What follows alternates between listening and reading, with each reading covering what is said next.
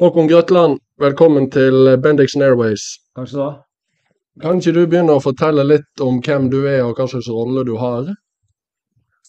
Jo, jeg er en 42 år gammel mann er blitt nå, fra, fra Drammen, som er så heldig å få jobbe i Fotballforbundet. Med og er leder da, for spiller- og trenerutvikling, eh, som jo er et svært område. da. Så, så jeg har en seksjon da, som jeg leder inne på, på Ullevål, som jobber med alt fra mm, barnefotball til trenerutdanning til talentutvikling. Og så under der igjen så er det jo et svært apparat ute i kretsa. Som, eh, så det er eh, seksjon på Ullevål, og så er det videre ute i kretsa hvor vi da har ja, 18 stillinger knytta til eh, talentutvikling, 18 stillinger knytta til trenerutvikling og 18 stillinger knytta til barnefotball. Da, ja, så sånn er linjene. Så under der igjen så blir jo dette svært, for da skal vi jo nå ut til hele norsk fotball. Det betyr at du har relativt god oversikt over det som rører seg i Fotball-Norge. Håper det. Ja. Så, Så det er passende å spørre hvordan du vil beskrive status på norsk fotball per nå. Jeg føler at vi er på en bra plass, og så er det jo hva slags parametere man legger til grunn. da. Eh, Men eh, jeg synes det kan være alt fra publikumsinteresse til eh, hvordan A-landslaget presterer. Men det er jo en, eh, det er Norges mest populære sport. Publikumsinteressen er økende, i hvert fall når vi ser på tallene nå på, på toppnivå. Vi har eh, A-landslag både på herre- og damesida som vi alltid har tro på, men som dessverre ikke helt presterer. Eh, Men det er fortsatt en knytta optimisme rundt de landslaga, fordi vi har da eh, spillere, profiler. Så, så sånn sett er det bra. Eh, talla, sånn vi- når vi snakker om talentutvikling og utvikle toppspillere, så, så ser det jo lysere ut enn egentlig som har gjort når det handler om altså spillere som presterer ute på den internasjonale scenen. Der skal vi mange, i hvert fall mange tiår tilbake før vi var i nærheten av der vi er nå.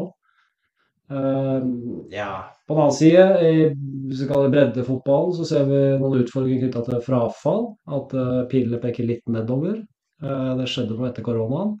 Så det er liksom hva slags parameter man legger til grunn. Men uh, alt i alt så vil vi si at norsk fotball er på en bra plass, med, men med rom for forbedring. Både på det ene og det andre.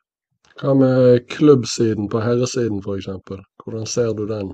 Nå er det europacupkvalik i disse dager. Ja, nei, Det er jo gledelig at vi har, eh, vi har lag som eh, vi har siste åra som har eh, prestert i Europa. Og ja, har det kommer noen lag jevnt og trutt som, som egentlig litt sånn overrasker oss, men som, som kommer seg ut og, og er med i Europa. Eh, Og så ser vi også på klubbsida at det er en rivende utvikling når det gjelder eh, talentutvikling og det som har satt dette i system. Og Det gjelder jo kanskje først og fremst toppklubba og akademiene, eh, hvor det har skjedd eh, en masse de siste ti åra. Men vi ser også at flere og flere jeg liker ikke ordet breddeklubber, men eh, la oss bruke det nå da likevel. Altså, som, som tar steg og får satt ting i system og får profesjonalisert uh, talentutviklinga si. Så ut fra Jeg skjønner det at dere ofte snakker om land vi bør kunne sammenligne oss med. Altså er vi, er vi på det nivået vi, vi hva skal jeg si, bør være ut fra forutsetningene våre?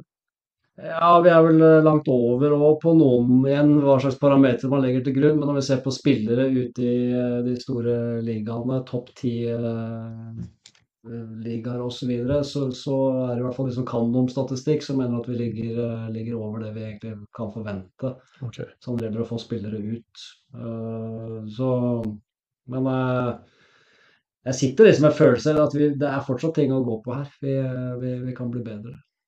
Og Hvis vi ser på Fotballforbundet sine mål for toppfotballen, da, Mm. altså de fremste, hva er målene på det øverste nivået? Nei, altså det er jo, det, jo Fotballforbundet som seg, det er jo hele norsk fotball, og det er eh, de klubba i Norge som vedtar de eh, måla gjennom, gjennom tinget. Uh, der er jo mål knytta til landslagene våre, jevnt og trutt. Uh, altså, og der, de måla har vi ikke nådd, det å kvalifisere til mesterskap med A-landslaget.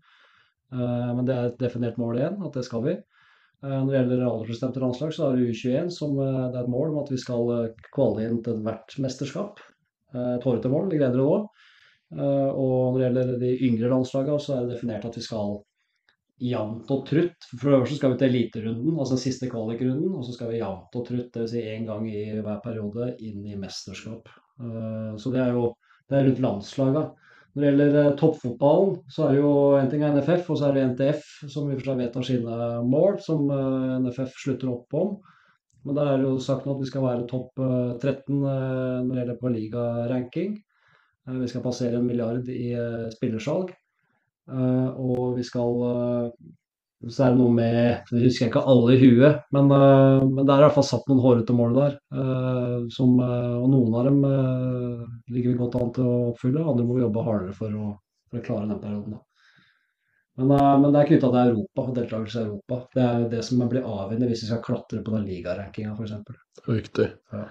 Den, den kunnskapen som forbundet legger til grunn når en skal lage sine planer og utviklingsstier. Eh, hvor henter en den kunnskapen fra, og hvor sikker er en på at den kunnskapen en legger til grunn, er den, er den beste?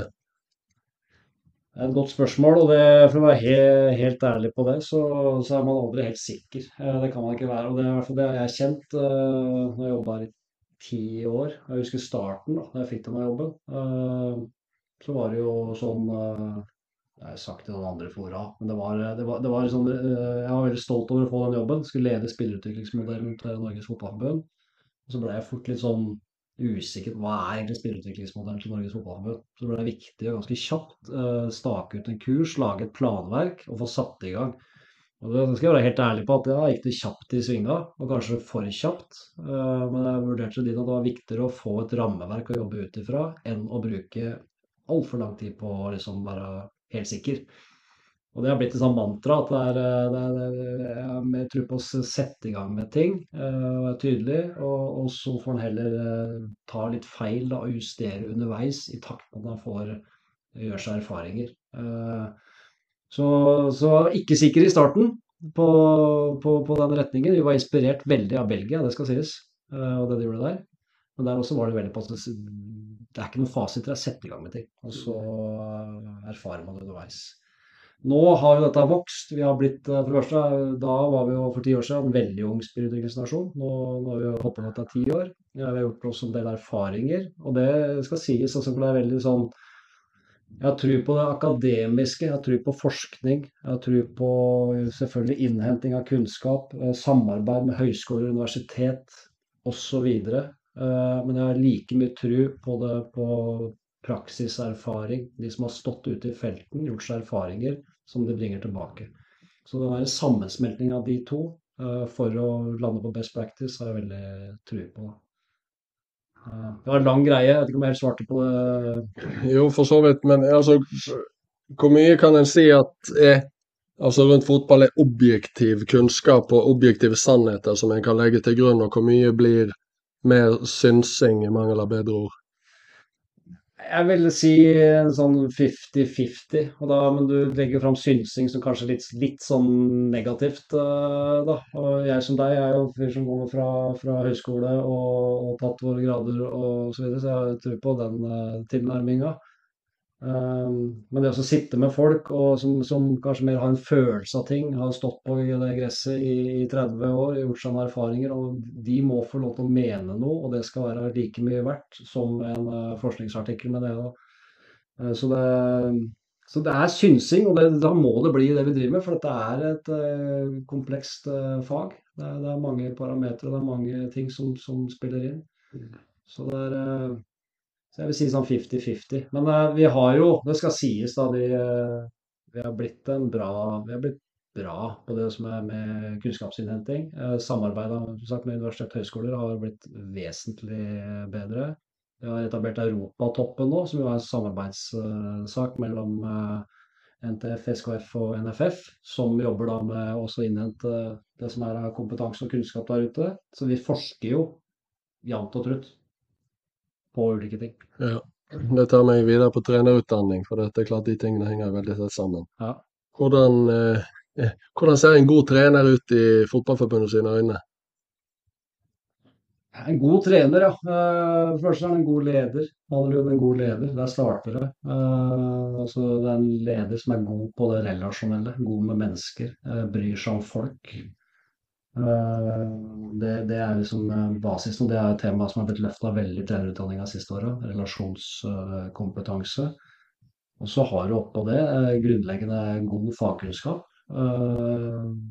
som strekker seg utover det, det rent sånn fotballteknisk-taktiske. Men i disse der så må du kunne noe om det mentale og fysiske Og med det.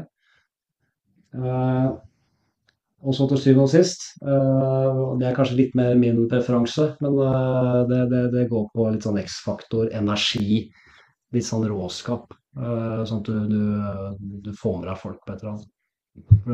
Trenerjobben handler om å få med seg folk. Ja. Så, men, men det relasjonelle og det menneskelige i bånn.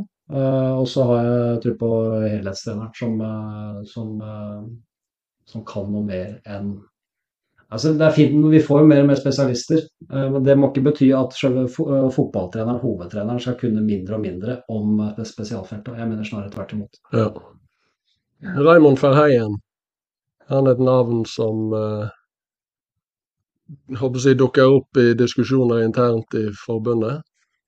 Det er det jo. øh, Og det, han er jo Med en gang vi begynner å diskutere og snakke om uh, treningsplanlegging, spesifisitet, periodisering osv., så, videre, så er det klart at han er en, øh, en, en fyr som dukker opp av hans meninger.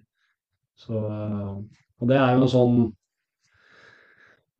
det er på vegne av norsk breddefotball, så føler jeg, mener jeg at NFF har svikta de siste året. Vi har ikke vært tydelige nok og gode nok til å anbefale på norsk fotball en sånn tydelig retning på det, hva skal jeg si, ja, eh, det fysiske, treningsplanlegging, belastningsstyring osv. Der er vi for dårlige.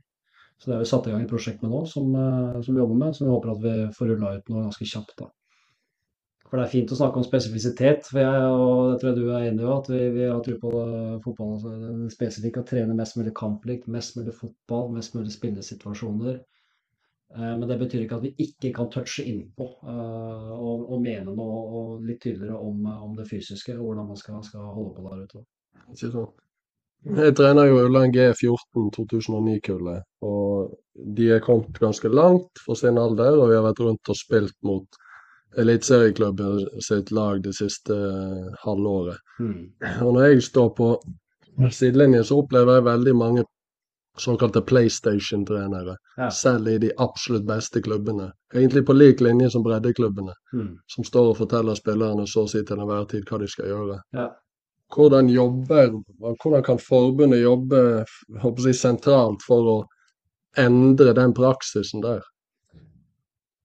Nei, det er jo Det blir jo en del av uh, og, det Vi kan kanskje snakke mer om det etterpå, men vi sitter jo disse her og jobber og lager en uh, det vi kaller for en sportslig plattform. En sånn overordna sak for Norges Fotballforbund som til syvende og sist skal vedtas av styret. Som skal si noe om uh, de overordna faglige tinga som NFF øh, står for.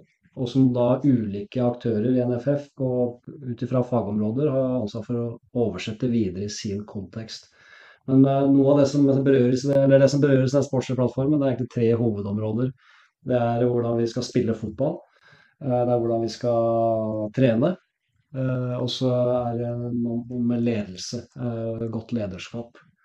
Men, men det som går på nå, Men det du toucher inn på nå, er jo egentlig læring. Hvordan læring foregår. Eh, og da er det disse ulike læringsdriverne som jeg har veldig tro på. Altså læring handler om noe som altså det, er, det er tankene dine, det er følelser, så er det veiledning, så er det mesterlære, og så er det gruppa.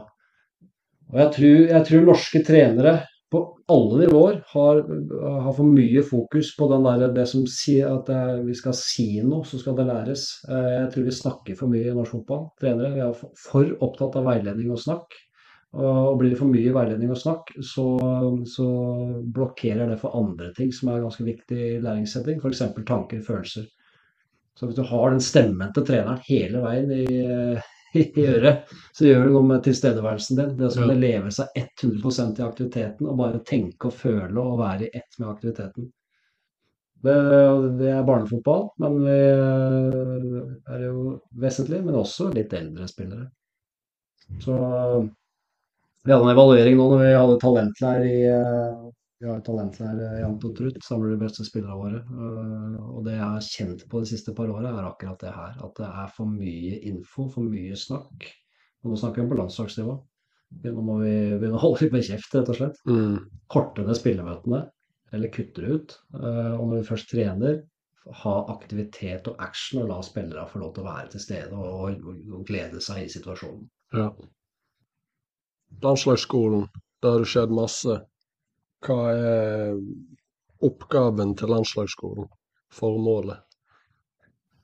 Oppgaven til landslagsskolen er å være en klubbnøytral, stabil eh, modell eh, som, eh, hvor inngangen til eh, talentutvikling og seleksjon eh, gjøres da eh, gjennom landslagsskolen. det er en modell som er kjønnsnøytral, klubbnøytral, og som skal treffe uavhengig av i og for seg postadresse. Så skal du bli sett og få muligheter i landslagsskolen. Det skal, det skal være en modell som er en slags bru mellom breddefotball og toppfotball. En samlingsplass hvor man kan jobbe sammen, både toppklubber og For det er, sånn, det er jo 1500 trenere i landslagsskolen, og de kommer jo fra klubber. Og da er jo liksom, i hvert fall disse visjonære og, og, og det hårete målet og er jo at det skal, da skal trenere fra både bredde og topp jobbe sammen om de beste spillerne. Uh, ja. Og så er det jo så det, det seg, og så skal det være Det er jo en identifiseringsarena for aldersbestemte landslag. Og også en uh, skoleringsarena. sånn at målet når du spiller med flagget på brystet første gang, da, så, så, har du gått en skole. Uh, ja, så det, det, det, er kjapt og gærent i landslagsskolen. Men det er svært. Det er jo 10 000 spillere, 1500 trenere, 18 kretser. Men vi har fått til noe der som ingen andre i for seg, eller det er ingen andre som har fått til det der i Europa. Altså at forbundet styrer en sånn modell, og at toppfotballen og breddefotballen sammen slutter seg opp om den. Jeg skynder meg å si det, at for det men det er ikke landslagsskolen har ingen ære for at Eller i hvert fall veldig liten ære for at landslagsskolen isolert sett er ikke det som har gjort at vi har fått fram så gode fotballspillere de siste åra. Det er klubba som har gjort. Men det at vi har landslagsskolen, det bidrar til å si, stabilisere og balansere ting på et eller annet vis.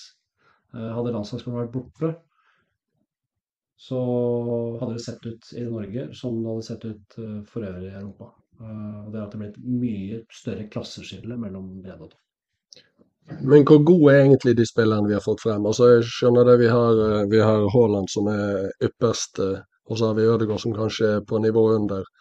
Bak det, hvis du ser på herrelandslaget, så det er ikke det er ikke fantastisk gode fotballspillere. Nei, vi har ingen grunn til å stå og være for høy og mørke og mene at alt er fint og flott. Men vi får nå fram eh, fotballspillere som Hvis vi ser på de aller fleste landslagene våre, så, så, er vi konkurransedyktige med de fleste der ute i en eh, enkeltstående kamp. Men, eh, altså, vi henger med og kan slå hvem som helst på gode dager. Og vi har jo vært i mesterskap her nå og vi også ser noen spillere som utmerker seg, enten det er U21 eller 19. Uh, så men det er ikke sånn at vi produserer en haug av verdensstjerner der, det er det ikke. Men at vi har, eh, at vi har spillere som, eh, som altså gode fotballspillere. Og at vi, utvikler flere av dem nå enn vi gjorde for uh, ti år siden. Med litt andre typer ferdigheter òg. Uh, det er jeg ganske trygg på.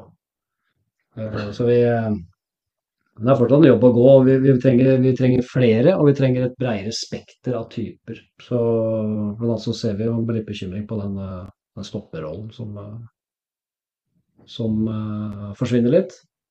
I en tid hvor også stopperrollen har endra seg. Uh, så, så, der må vi ta, ta tak her nå. For jeg er litt redd for at vi i Norge fortsatt tenker på stopperen sånn som vi gjorde for 10-15 år siden. Den der høyreiste duellkrigeren. Ja.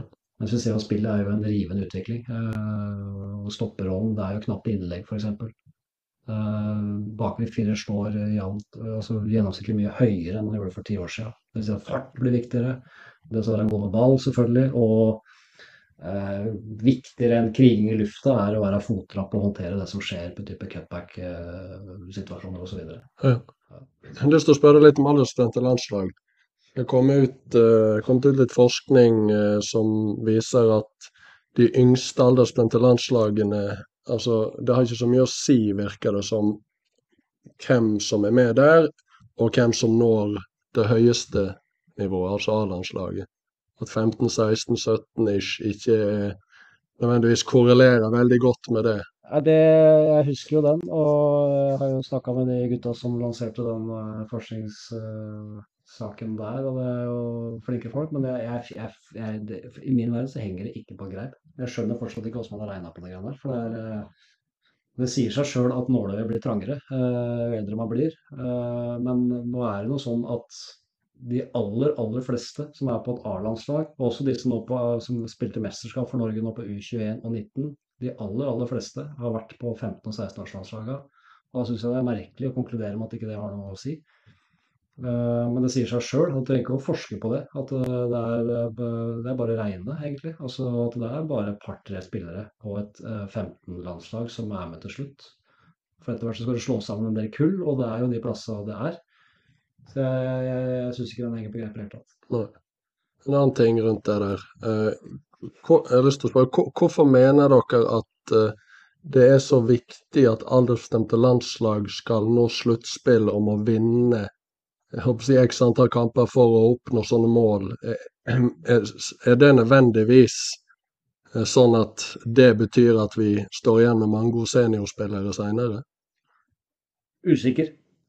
Veldig usikker. Og derfor er det flere ting. Det ene perspektivet er at uh, vi bør vinne noen kamper for å komme i mesterskap. Og så er tanken at det å få mesterskapserfaring er gull verdt. Det er en helt annen setting enn det spillere har kjent på tidligere. Så det å kjenne på de greiene der eh, gjør noe med utviklinga di. Og du har det i ryggsekken, og det er gull verdt hvis du ønsker å bli en god, god spiller. Er det noe vi vet, eller er det noe en tror? Uh, Det er noe vi tror. Eh, Så er det jo også det med Og det er en diskusjon som er nå. Altså Jeg har tro på en tilnærming hvor eh, når vi spiller til kamp, så skal vi prøve å vinne. Eh, For det er det det handler om, dette her. Men uh, vinne da gjennom at Altså vi har fokus på hva vi Altså kamp, hva er kampen? Uh, Det, er- det er en konkurranse vi driver med. altså Det å være opptatt av å vinne, det, men, uh, men så er det hvordan vi skal vinne osv. Det er en annen diskusjon. Men også vinne fotballkamper er viktig. Og Det er ikke det første og fremst spilleren som skal være opptatt av å vinne på aldersbestemt, og treneren er opptatt av at hver enkelt skal få best mulig utvikling. Ja, det, da, men da er det er vinne og utvikling er det to vidt forskjellige greier. Eh, Jeg, jeg har jo en tanke om at vinne og utvikling går litt hånd i hånd. da, Og det vi skal ha fokus på, er hva er vi skal utvikle for å få bedre forutsetninger for å vinne kamper. Ja. Så det som står hyl og skriker at i dag skal vi vinne, Karl, det har jeg ikke noe tro på. Men eh, det, det, sånn, sånn holder vi ikke på. Men vi er opptatt av uh, hva skal si, hva er vi må ha fokus på utvikle? Hva må du bli bedre på? Hva må vi bli bedre på for at vi får bedre forutsetninger for å, for å vinne fotballkamper? Det er der vi er. Samtidig så er det jo spør, altså, Du kan ta perspektivet med at vi er jo aldri best når det gjelder, vil noen si. Altså Vi kan se kvinnelandslaget nå i sluttspill, vi kan se A-landslaget. Hver kamp når det virkelig drar seg til, så bukker vi under. Hvorfor det? Ja. Er det fordi vi ikke har vært opp, nok opptatt av å få en vinnerkultur og vinnermentalitet fra ung alder av? Så jeg syns dette er vanskelig. Det er sånne øh, argumenter i alle mulige retninger. Men øh, det viktigste er med aldersbestemte landslag er jo selvfølgelig øh, at vi skal, det, er, det er utviklingstiltak. Spillere skal få øve på ting, kjenne på ting, få referanser på ting som man da tar med seg tilbake til, til hverdagen. Så Sånn sett så er det jo ikke viktig om man vinner eller taper en landskap. Det viktige er hva man sitter igjen med etterpå. Ikke sant? Eh, I Norge så er det mørkt og kaldt halve året. Og veldig mange er glad i å gå på ski, og veldig mange er glad i ski. Ja, Hvordan påvirker det jobben deres? Eller vår?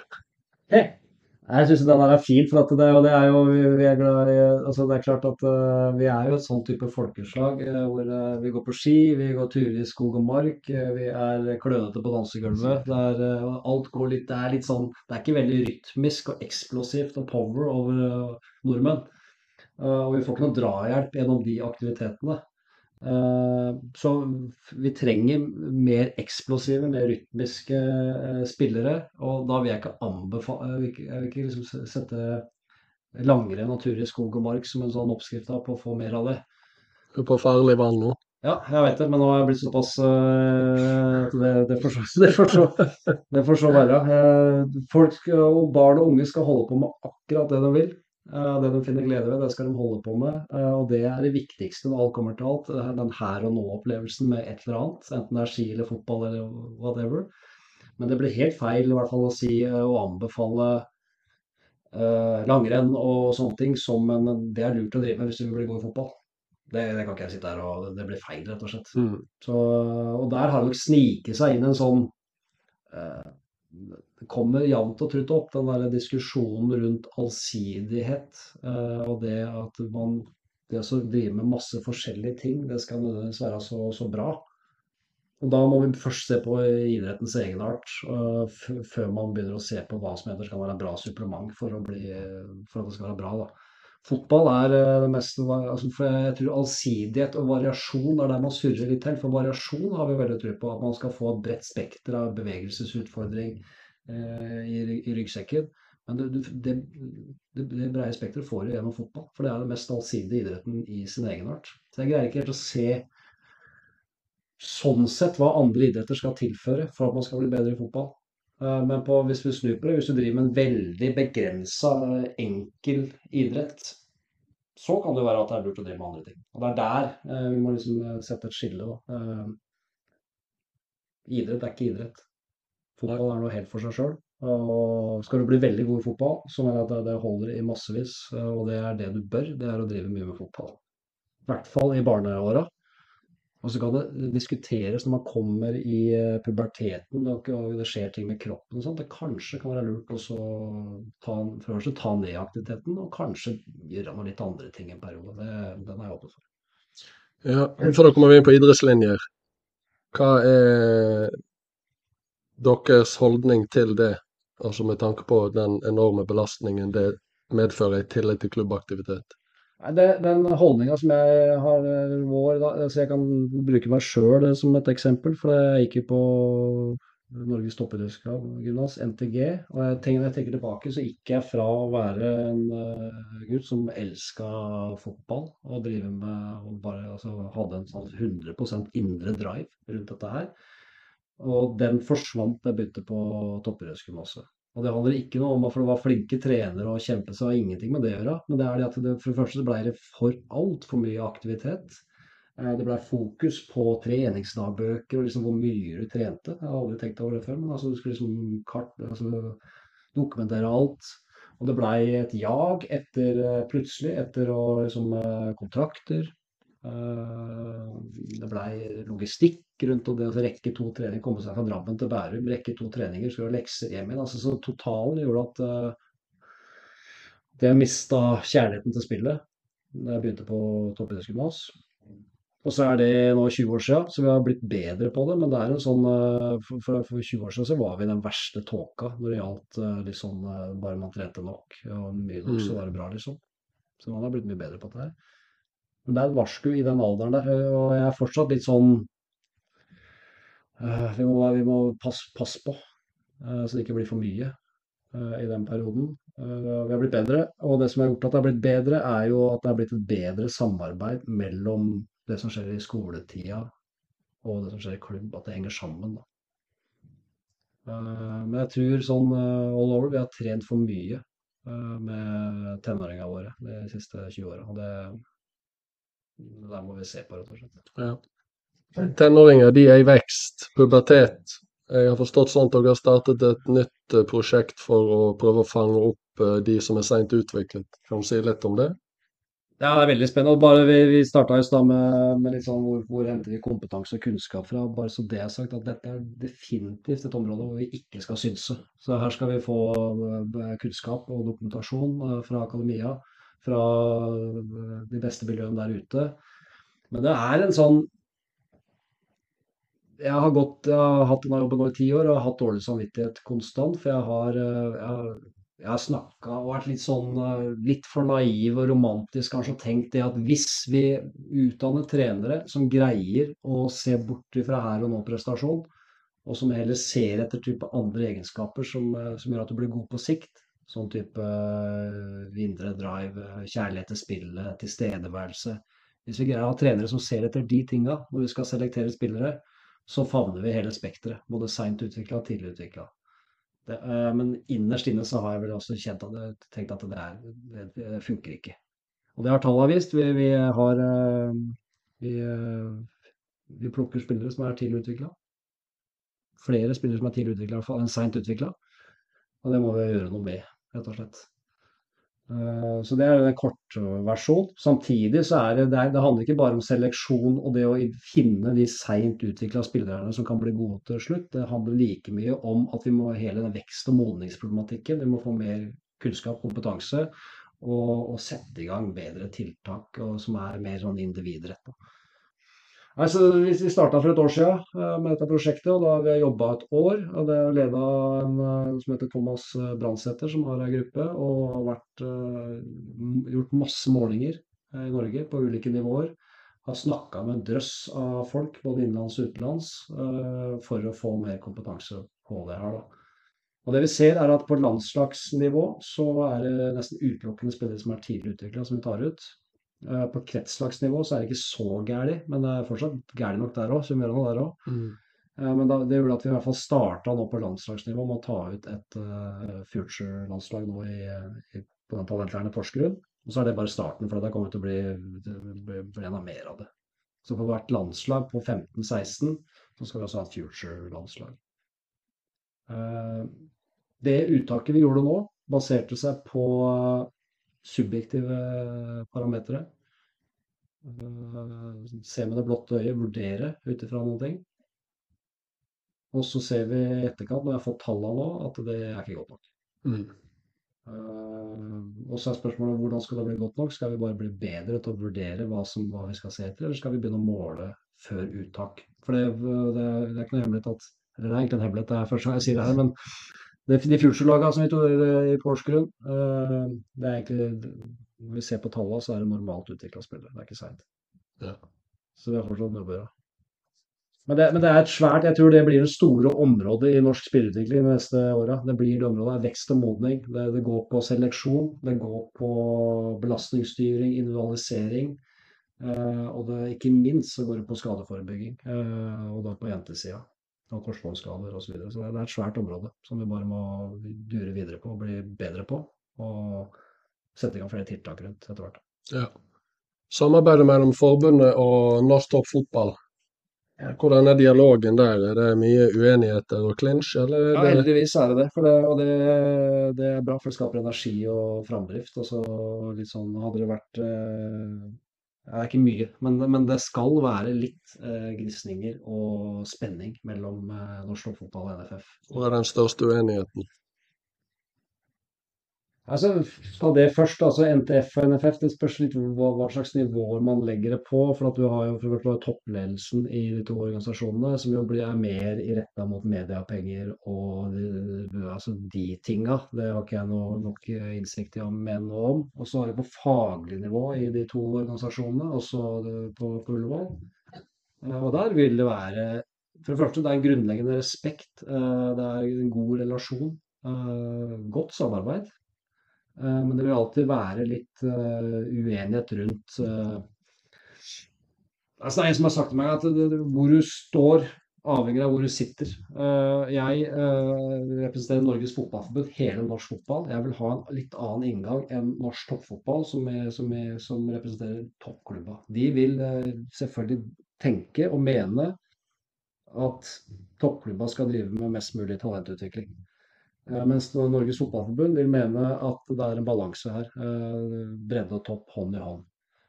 Så er, det er her spenningen av diskusjonene går. ikke sant? Så, og det mener jeg bare er sunt. Og så er det nivået under der igjen. Det er mer det operative. Og der mener jeg vi har vært veldig veldig gode i mange år. Altså det operative rundt eh, krets, eh, toppklubber, breddeklubber der ute. Så er det veldig mange plasser. Det har vært et veldig godt samarbeid i mange år. Det er.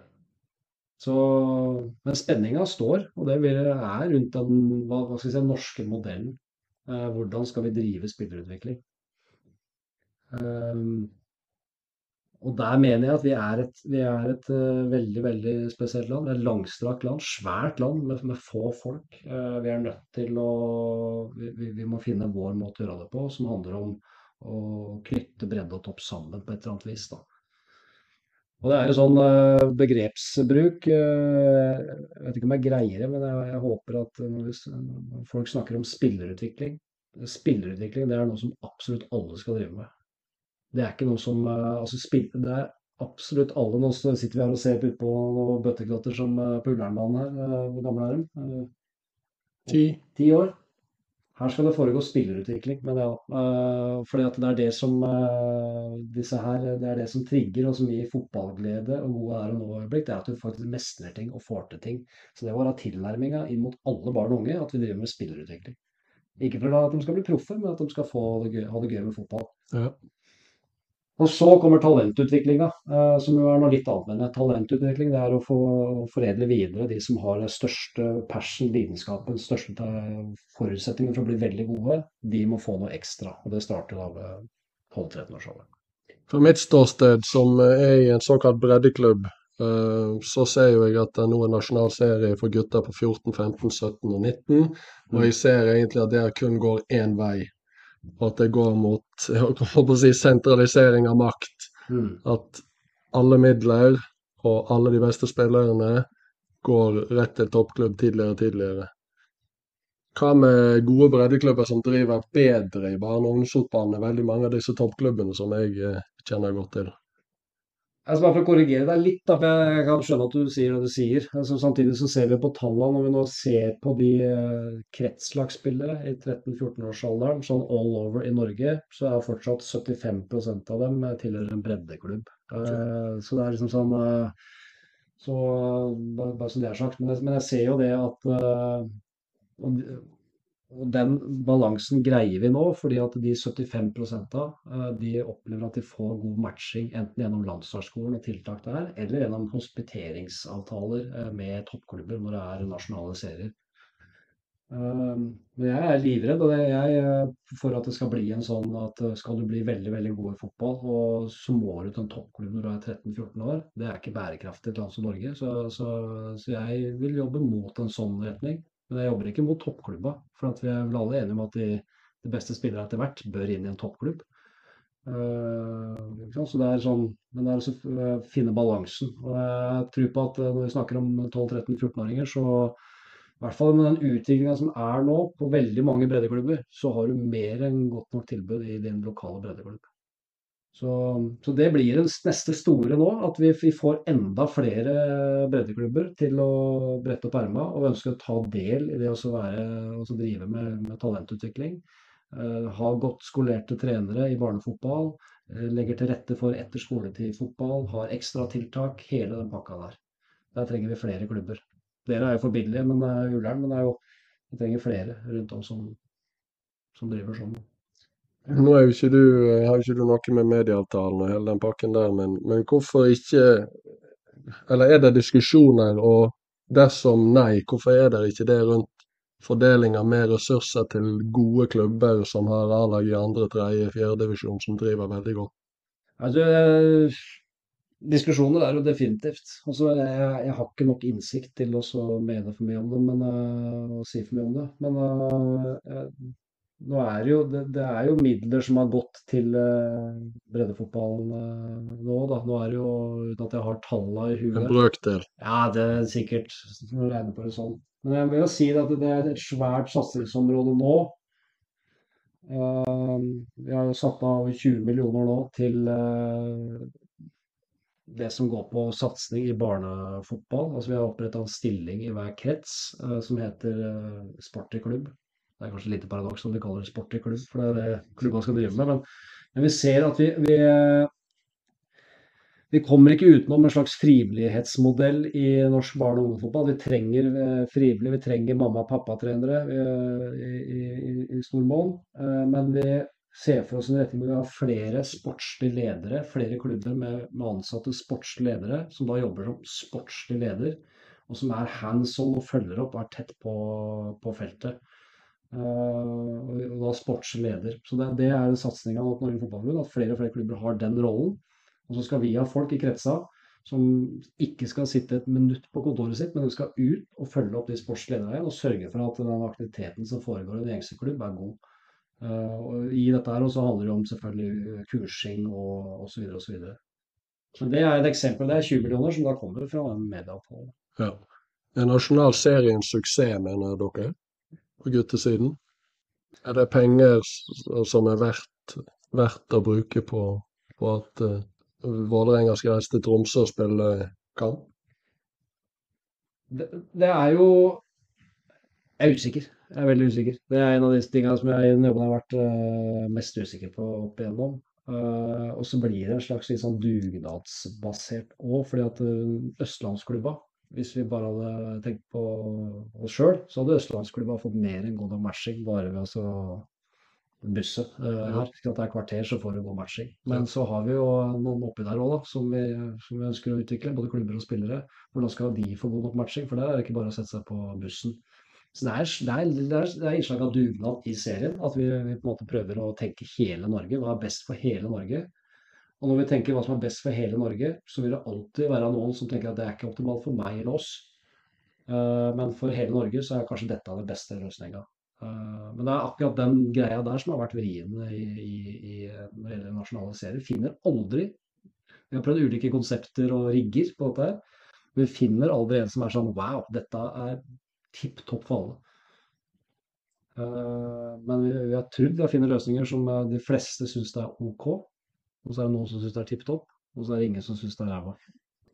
Men det vi ikke har lykkes med, som vi må ta rundt med nasjonale serier, som jo var en mål i det, det var jo for det første aldersgjennombruddet i gode kamper. Det, det hadde vi, har vi tro på. Eh, men det var også en greie med at vi skulle rydde opp i ukesyklusen til de største talentene våre. At det ble mer forutsigbare uker. At det blei det ble den kampen, den lå der og der. Eh, der har vi ikke lykkes helt. Det er fortsatt for uryddig eh, når vi ser på ukene til våre største talenter. Og det er litt av det og litt av det. Så der har vi ikke lykkes. Med aldersgjenbrudd gode kamper, der mener jeg vi har lykkes. En som definitivt mener dere har mislykkes, det er Terje Liverød. Ja, han, eh, han kommer jo som regel eh, med jevne mellomrom med kraftig kritikk av eh, alt som skjer i norsk fotball. Han leverte en solid rapport. Vet du noe? Vil du kommentere det? Jeg hadde blitt mer overraska hvis han hadde kommet med noe som han mente vi hadde lykkes med. da. Det hadde vært positivt. Så det så, Nei øh, Nei, hva skal, jeg, hva skal, jeg, si om det? Jeg syns øh, jeg kjenner ikke Terje, så jeg har hatt, øh, hatt noen greier i noen medier øh, rundt noe, men det blir sånn på overskrifts- og brannfakkelnivå i begge retninger. Så, men jeg syns jo det er, alltid forfriskende med folk som, som, øh, som mener sterkt, og som gjerne også går litt hardt ut. Så det tåler vi. Men jeg, jeg greier ikke helt å se Jeg syns det blir litt ullent mye av det han har kommet med, for å være helt ærlig. Eh, og så er det en utfordring med folk som ikke helt veit hva de ikke veit. Eh, og jeg stiller spørsmål om han kjenner nok til den norske konteksten. Riktig. Er det noe vi ikke har pratet om som du har lyst til å ta opp? Nei, jeg synes bare, jeg håper når vi er ferdige at, vi, at du viser meg litt rundt her på og forteller litt om klubben. her, for jeg, jeg, Dette blir jeg veldig veldig glad av, å se den aktiviteten som er på, på feltet her. Og, så det, og dette er dette er det det handler om. Barn og unge i aktivitet uh, og har det gøy her med fotball. Så jeg tror uh, og, det, og det, er noe med tidspunkt der òg som jeg tror det ligger et veldig potensial i. og det er det, Nå er det jo for sommerferie, da, men, uh, men det der etter skoletid-fotballen Få mer og mer av det, få det mer og mer i system, og at det er ordentlig, det har jeg veldig, veldig tro på. Det skal vi fikse, men helt til slutt spør jeg alle om hva er meningen med livet? Det er litt uh, jeg, jeg, jeg, har jo Det er ikke så lenge siden jeg kjøpte en bok som, uh, som heter uh, 'Alt går til helvete'. En bok om håp. for det, alt går jo til helvete til slutt, til og sist. Det går jo gærent, dette her. Landslagsskolen kommer til å åpne en gang. du og jeg forsvinner. Alt forsvinner. Til og med den jordkloden vi er på, forsvinner. Så alt går til helvete. Og så er det hva er, liksom, hva er vitsen da, liksom? Hva gir håp? Men da er det jo noe med uh, og Det er nærmest det jeg har kommet. altså Det er å ha noe å jobbe mot og for. Ha noe man har tro på, sammen med folk man er glad i. Og flest mulig øyeblikk hvor man glemmer uh, tid og rom og bare er dønn til stede her og nå. Uh, det, det, er meninga med livet. Tilstedeværelse. Ting som gjør at du er dønn til stede her og nå. Og da kommer vi til fotball. Det er ingen aktivitet, aktivitet som gjør at så mange er dønn til stedet her og nå som fotball. Så det, så det blir kanskje litt litt i overkant av fotball er meninga med livet. Men, eh, men det er eh, aktiviteter som, som gir mening her og nå. Takk for praten. I like måte. Tusen takk for at du hørte på Bendixen Airways. Dersom du har tips, kommentarer eller vil gi en vurdering av episoden, så gjør gjerne det. Det setter jeg stor pris på.